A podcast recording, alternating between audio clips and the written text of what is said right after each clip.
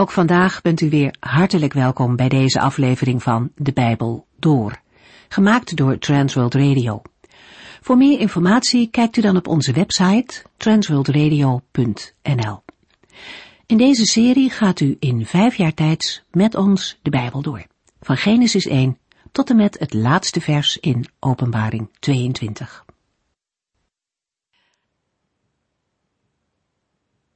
Het boek Ezra begint met een bijzondere vorst, de Perzische koning Cyrus. Hij heeft Babel verslagen en regeert nu onder andere over de Joden die in ballingschap zitten. Deze koning Cyrus heeft van de Heere God de opdracht gekregen om de tempel in Jeruzalem te herbouwen. In Ezra 1 lezen we hoe hij dat in gang zet. Cyrus is een machtig vorst over een groot rijk, maar hij erkent wel het koningschap van de Heere God boven hem God is het ook die Cyrus ertoe brengt om deze stap te zetten.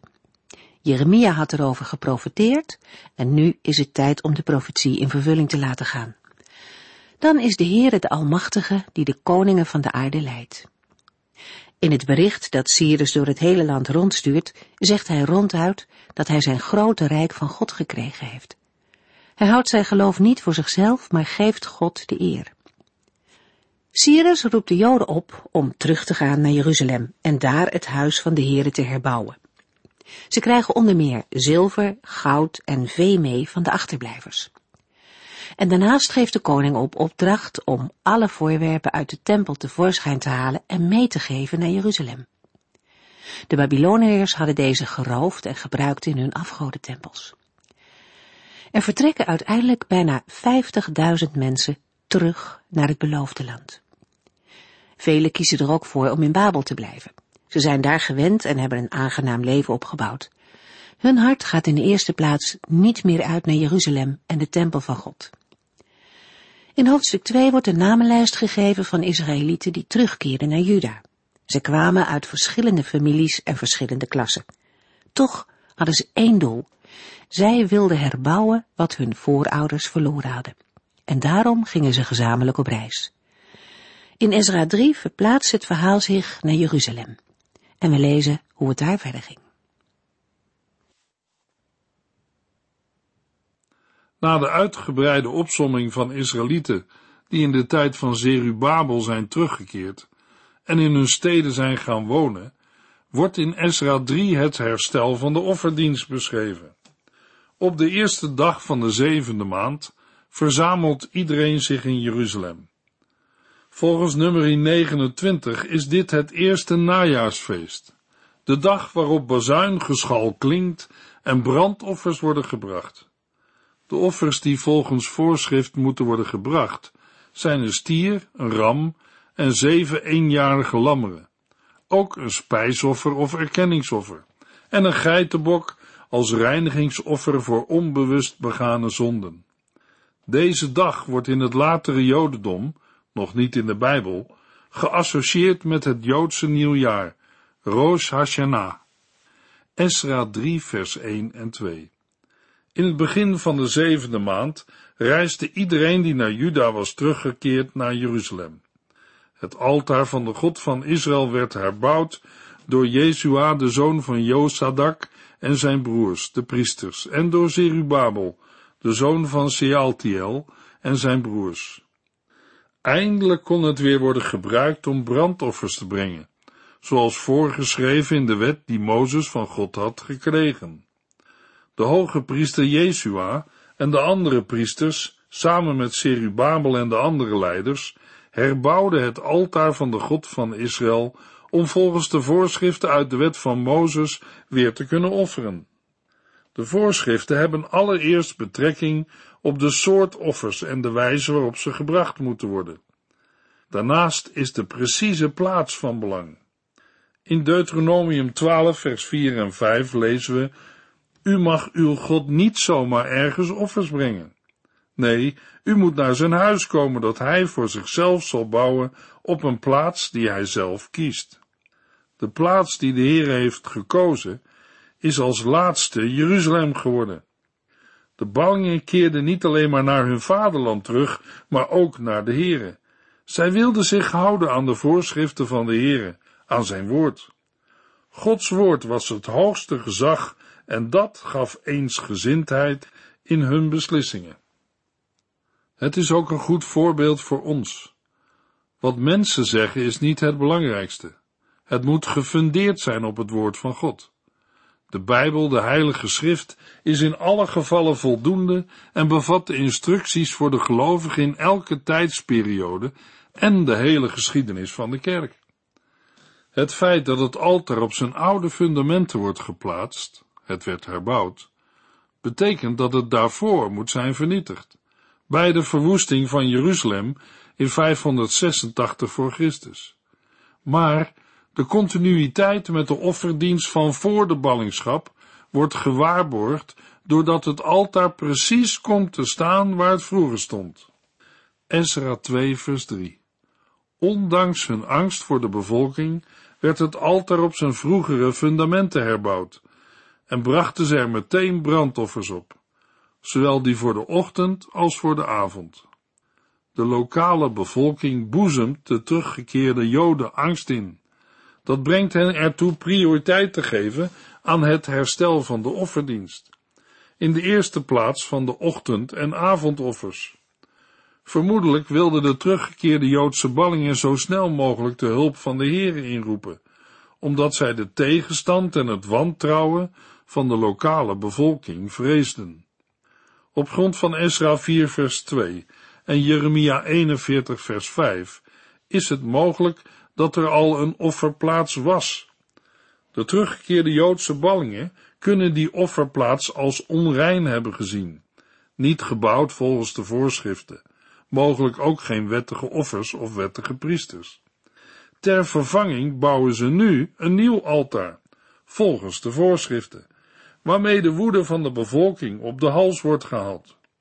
Esra 3 vers 4 en 5 Ook het Loofhuttenfeest werd gevierd, zoals in de wet van Mozes was voorgeschreven.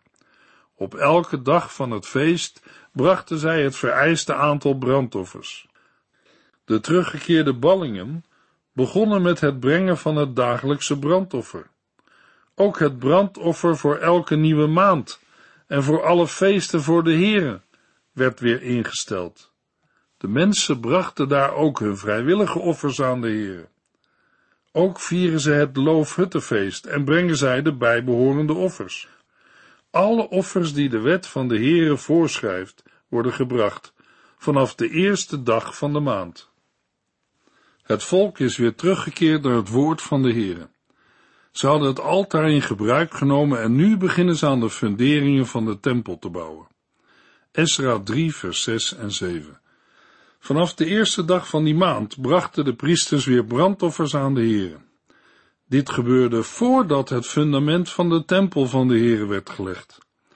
De Israëlieten huurden steenhouwers en timmerlieden en kochten cederhout van de inwoners van Tyrus en Sidon, in ruil voor voedsel, drank en olijfolie.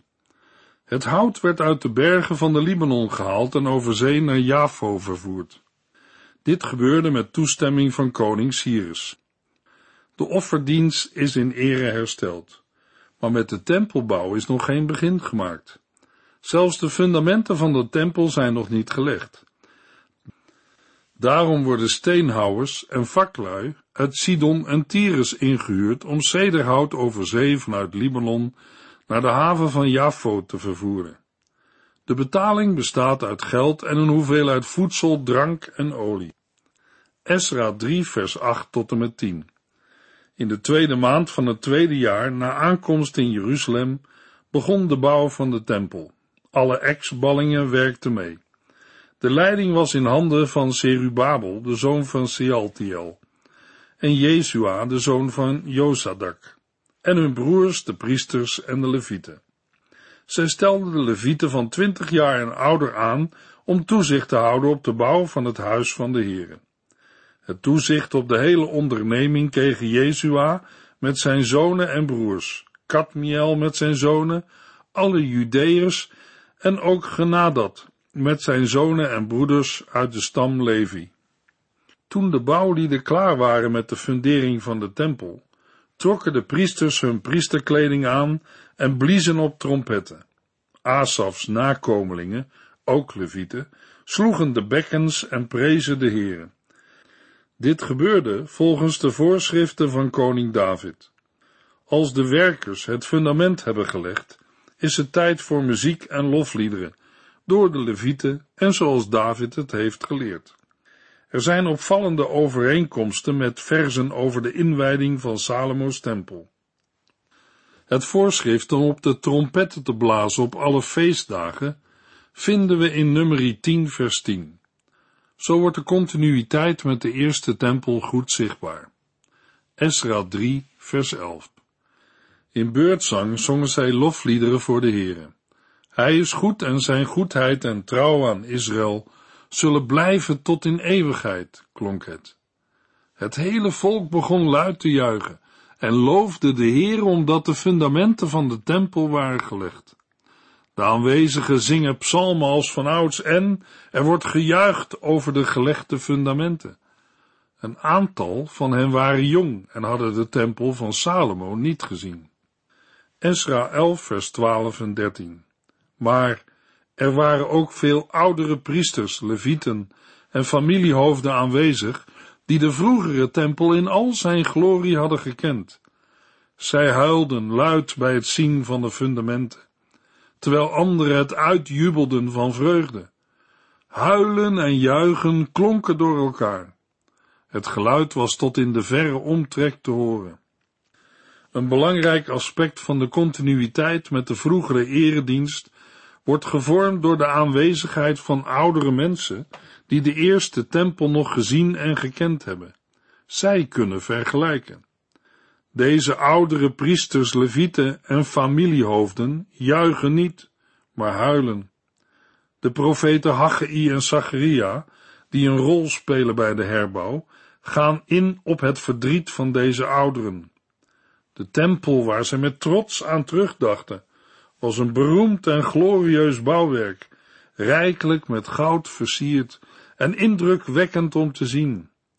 Nu is er alleen een kleine rest van het volk over, weerloos en omringd door vijanden, financieel nauwelijks in staat hun eigen huizen te herbouwen. De vraag komt op, waarover huilen zij precies? Dat zal niet vanwege de nieuwe fundamenten als zodanig zijn geweest, want die worden op dezelfde plaats gelegd als de oude, met de bedoeling dat de nieuwe tempel even groot zal worden als de oude. Het verdriet zit waarschijnlijk vooral in het vooruitzicht dat de nieuwe tempel nooit zo mooi en rijk versierd zal kunnen worden als de oude. Dan is de inwijding een moment waarop die angst en dat verdriet tot uiting komt. Het geluid van het huilen en juichen is in de verre omtrek te horen. Esra 3 staat vol continuïteit met het verleden, maar zonder de mogelijkheid van volledig herstel. Uiteindelijk moet Israël niet terug naar Salomo's tijd, maar terug naar de Heere zelf. Het verdriet om het feit dat de nieuwe tempel nooit de tempel van Salomo zal evenaren, moet overgaan in grote vreugde. Het was toch Salomo die aan de Heere vroeg in 1 Koning 8 vers 27, is het wel echt mogelijk dat u op aarde zou willen wonen? Zelfs de hoogste hemelen kunnen u niet bevatten. Laat staan deze tempel die ik heb gebouwd. De nieuwe generatie weet waarop de Heere echt troont, op de lofliederen van Israël. In Psalm 22 vers 4 lezen we, U bent de heilige God, Israël eert u en brengt u hulde. Wat de ouderen zeiden was niet erg bemoedigend voor de jongeren. Het was menselijk gezien wel waar. Maar een van de problemen waarbij de Heere moest ingrijpen, was de ontmoediging die de ouderen veroorzaakten. Daarom zegt de Heere tegen Zerubabel in Haggai 2 vers 5. Maar Zerubabel, houd de moed erin. En alle anderen laat u niet ontmoedigen en ga aan de slag, want ik ben met u. Luisteraar, het zijn woorden die ook vandaag aan de gemeente van Christus mogen worden doorgegeven. Ga aan de slag, want de Heer is met u. Gelovigen kunnen elkaar soms mateloos ontmoedigen. De situatie komt dan vaak overeen met de gebeurtenissen aan het slot van Ezra 3. De een wil verder groeien in het geloof en een ander wil graag terug naar vroeger. In de gemeente van Christus mogen beiden in balans zijn. Dan is het resultaat niet een kerk die alleen uit ouderen bestaat, maar ook geen kerk die alleen uit jongeren bestaat. De richtlijn die de Heer in zijn woord geeft is dat dingen tot opbouw van zijn gemeente moeten zijn. Daarbij moeten we niet alleen denken aan ons eigen belang, maar ook aan dat van anderen. We hebben het met de bespreking van de eerste brief aan de Corinthiërs samen gelezen. Laten we blij zijn met de vernieuwing die de Heer in zijn gemeente geeft en bewerkt. Ezra 4 vers 1 en 2 De plaatselijke bevolking, die vijandig stond tegenover de stammen van Juda en Benjamin, hoorde van de terugkeer van de Israëlieten uit hun ballingschap en van de herbouw van de tempel van de Heere, de God van Israël. Daarom benaderden zij Zerubabel en de andere leiders. Laat ons helpen, stelden ze voor, want wij aanbidden uw God ook. Wij hebben aan hem geofferd, sinds koning Ezar Haddon van Assyrië ons hier heeft gebracht. In Esra 3 is het begin van de herbouw van de tempel onder Zerubabel begonnen, kort na de terugkeer in 538 voor Christus. Maar de bouwperiode duurt erg lang, tot 515 voor Christus. De oorzaak van deze jarenlange vertraging wordt duidelijk in Esra 4. Het is te wijten aan de hardnekkige tegenstand van de plaatselijke bevolking. De vijanden van Juda en Benjamin horen over de herbouw van de tempel en benaderen de Joodse leiders. Zij willen hun aandeel in de bouw van het heiligdom. Hun argumenten lijken oprecht. Ze zijn zelf ballingen geweest in de tijd van de Assyrische koning Ezar Haddon. En ze vereren dezelfde God als de Joden. Het argument dat de plaatselijke bevolking dezelfde God zoekt, is ironisch te noemen, gelet op 2 Koningen 17. Hoewel de situatie in 2 Koningen 17 enkele decennia voor Ezar Haddon speelt, maakt het duidelijk dat de bevolking, die naar Samaria is gebracht, de Heere niet vereerde en daarvoor werd gestraft. Hoewel een priester hun de eredienst van de God van Israël bijbracht, dienden zij eeuwenlang andere goden in Samaria. Het tienstammenrijk stond in de Joodse geschiedenis bekend als afvallig, goddeloos en ontrouw aan de verordeningen van de Heere. Met deze achtergrond is het ironisch dat juist deze plaatselijke bevolking een beroep doet op de offerdienst aan de God van Israël. Uit Jeremia 41 vers 5 wordt door sommige uitleggers opgemaakt dat er na de verwoesting van 586 voor Christus in Jeruzalem een offerplaats is blijven functioneren. Zij die zijn blijven offeren tijdens de ballingschap, willen daarmee door blijven gaan. Eigenlijk zeggen de tegenstanders van Juda en Benjamin, wij hebben hier al die tijd, toen jullie in ballingschap waren, dezelfde God als jullie aanbeden. Laten we ons nu verenigen en samen de Heere God aanbidden. In eerste instantie klinkt dat goed, maar het heeft geen goede uitwerking. Esra 4 vers 3 Nee, antwoordde Zerubabel, Jezua en de andere leiders. U kunt hieraan niet meedoen. De tempel van de Heere, de God van Israël, mag alleen door Israëlieten worden gebouwd. Zo heeft koning Cyrus van Perzië het bepaald. De Joodse leiders gaan niet in op hun verzoek. Zij hebben met hen niets gemeenschappelijk wat een deelname aan de herbouw van de tempel zou rechtvaardigen. De Joodse ballingen willen het werk alleen doen, omdat koning Cyrus het aan niemand anders dan aan hen heeft toegestaan.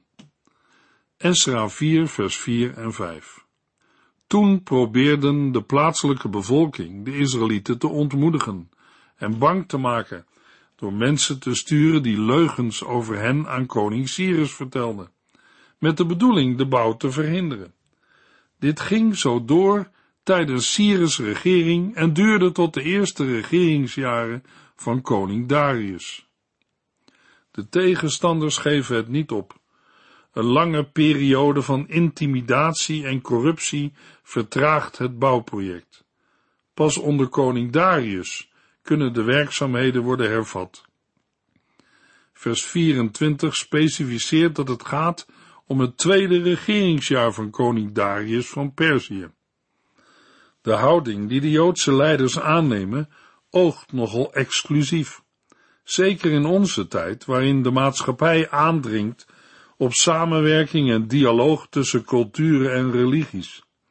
Maar er is reden voor het wantrouwen. De aanwezigheid van de teruggekeerde Joodse ballingen bedreigt de macht van Samaria. De term plaatselijke bevolking doet vermoeden dat het om achtergebleven inwoners gaat, met wie de teruggekeerde ballingen problemen zouden hebben.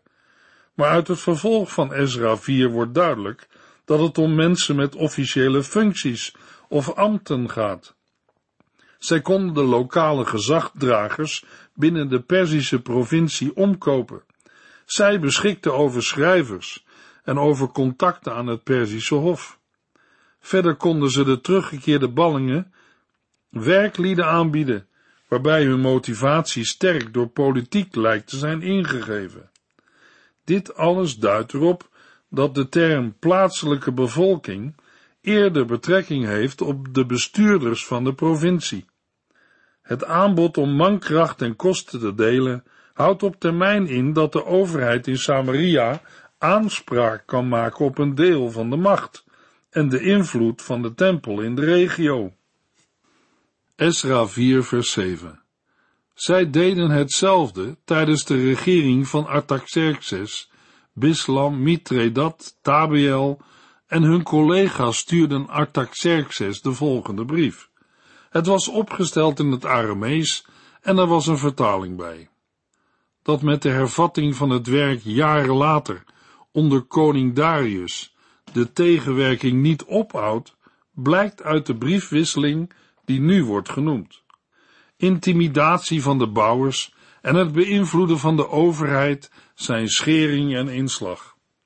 Volgens vers 6 is de zoon van Darius, Xerxes of Aosferos, naar zijn Hebreeuwse naam, bij zijn aantreden aangeschreven om de herbouw van Jeruzalem te stoppen. De brief van de staatslieden Bislam, Mitredat en Tabiel, of Tobia, is gericht aan zijn opvolger, Artaxerxes. Van een derde brief over Jeruzalem, geschreven aan koning Artaxerxes door gouverneur of landvoogd Regum en secretaris Simsai, wordt de inhoud kort weergegeven, als ook het antwoord van de koning. De vermelding van deze derde brief past chronologisch niet in de context van vers 4, maar thematisch past het des te beter. Bovendien wordt met de opsomming van de hardnekkige, aanhoudende correspondentie naar het Perzische Hof, koning na koning, een bewuste strategie aangegeven tegen de teruggekeerde Joodse ballingen. De brief van gouverneur Regum en secretaris Simsai is in het Aramees geschreven, van ouds de diplomatieke voertaal in het Midden-Oosten. Zij besloten een brief aan de Perzische koning te zenden met valse beschuldigingen tegen de rest van de bevolking die naar Jeruzalem was teruggekeerd. De inhoud van de brief was als volgt. Esra 4, vers 11 tot en met 13. Aan koning Artaxerxes. Majesteit, zoals u weet zijn de Judeërs uit Babel naar Jeruzalem teruggekeerd. Op dit moment zijn zij bezig met de herbouw van deze van ouds oproerige en opstandige stad. De stadsmuren naderen hun voltooiing en de fundamenten van de tempel zijn gelegd. Wij willen graag dat u weet dat, wanneer deze stad is herbouwd en de muren zijn voltooid, de Judeërs zullen weigeren u belasting of tol te betalen. Dit zou zeer in uw nadeel zijn. De boodschap van de brief is duidelijk. Jeruzalem, van ouds een oproerige en opstandige stad, wordt herbouwd. Als Artaxerxes daar geen stokje voor steekt, heeft hij straks een groot probleem. De koning moet niet toestaan dat de stad en de tempel worden herbouwd. Het gevolg van de brief is dat Artaxerxes een onderzoek in laat stellen en reageert met een brief. In zijn antwoord schrijft hij, Esra 4 vers 19 tot en met 22, Ik heb bevolen een onderzoek in te stellen naar het verleden van Jeruzalem. Uit de archieven is inderdaad gebleken dat deze stad van ouds in opstand kwam tegen haar koningen en een broeinest was van oproer en verzet. Ik ontdekte bovendien dat daar machtige koningen hebben geregeerd. Zij heersten over het hele gebied ten westen van de Eufraat. En zij ontvingen allerlei vormen van belasting en tol. Daarom beveel ik dat die mensen hun arbeid aan de herbouw van Jeruzalem tot nader order moeten staken. Laat deze zaak vooral niet op zijn beloop, anders gaat het rijk veel schade lijden.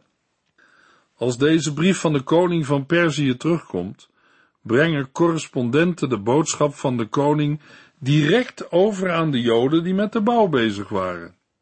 Esra 4, vers 23 en 24. Een afschrift van deze brief van koning Artaxerxes werd voorgelezen aan Regum, zijn secretaris Simsai en hun collega's. Zij haasten zich onmiddellijk naar Jeruzalem en dwongen de Judeërs met geweld de bouw te staken. Het werk aan de tempel in Jeruzalem bleef stil liggen, tot het tweede regeringsjaar van koning Darius van Perzië. De Joden die met de herbouw bezig waren, worden met geweld tegengehouden. Het is vreemd om te beseffen dat dezelfde Artaxerxes later in Esra 7 Esra afvaardigt om in Jeruzalem het gemeenschapsleven en de eredienst volgens de wet van Mozes in te stellen. De Heere verhindert niet dat zijn volk zwaar onder druk komt te staan. In dat moeilijke spanningsveld is Israël aangewezen op de Heere alleen. Daarin worden ook aan ons geestelijke lessen geleerd. In de volgende uitzending lezen we Esra 5 en 6. U heeft geluisterd naar De Bijbel Door, in het Nederlands vertaald en bewerkt door Transworld Radio. Een programma waarin we in vijf jaar tijd de hele Bijbel doorgaan. Als u wilt reageren op deze uitzending of u heeft vragen, dan kunt u contact met ons opnemen. Tijdens kantooruren kunt u bellen op 0342 47 8432 0342 47 8432 32. Ook kunt u een e-mail sturen naar de transworldradio.nl en natuurlijk kunt u ook via de post ons bereiken. TWR, postbus 371, postcode 3770, AJ in Barneveld. Dit programma werd gepresenteerd door Cor Weda en Ike André. Techniek was in handen van Odin van Voorkom. En wij allemaal bedanken u voor het luisteren. Graag tot de volgende keer.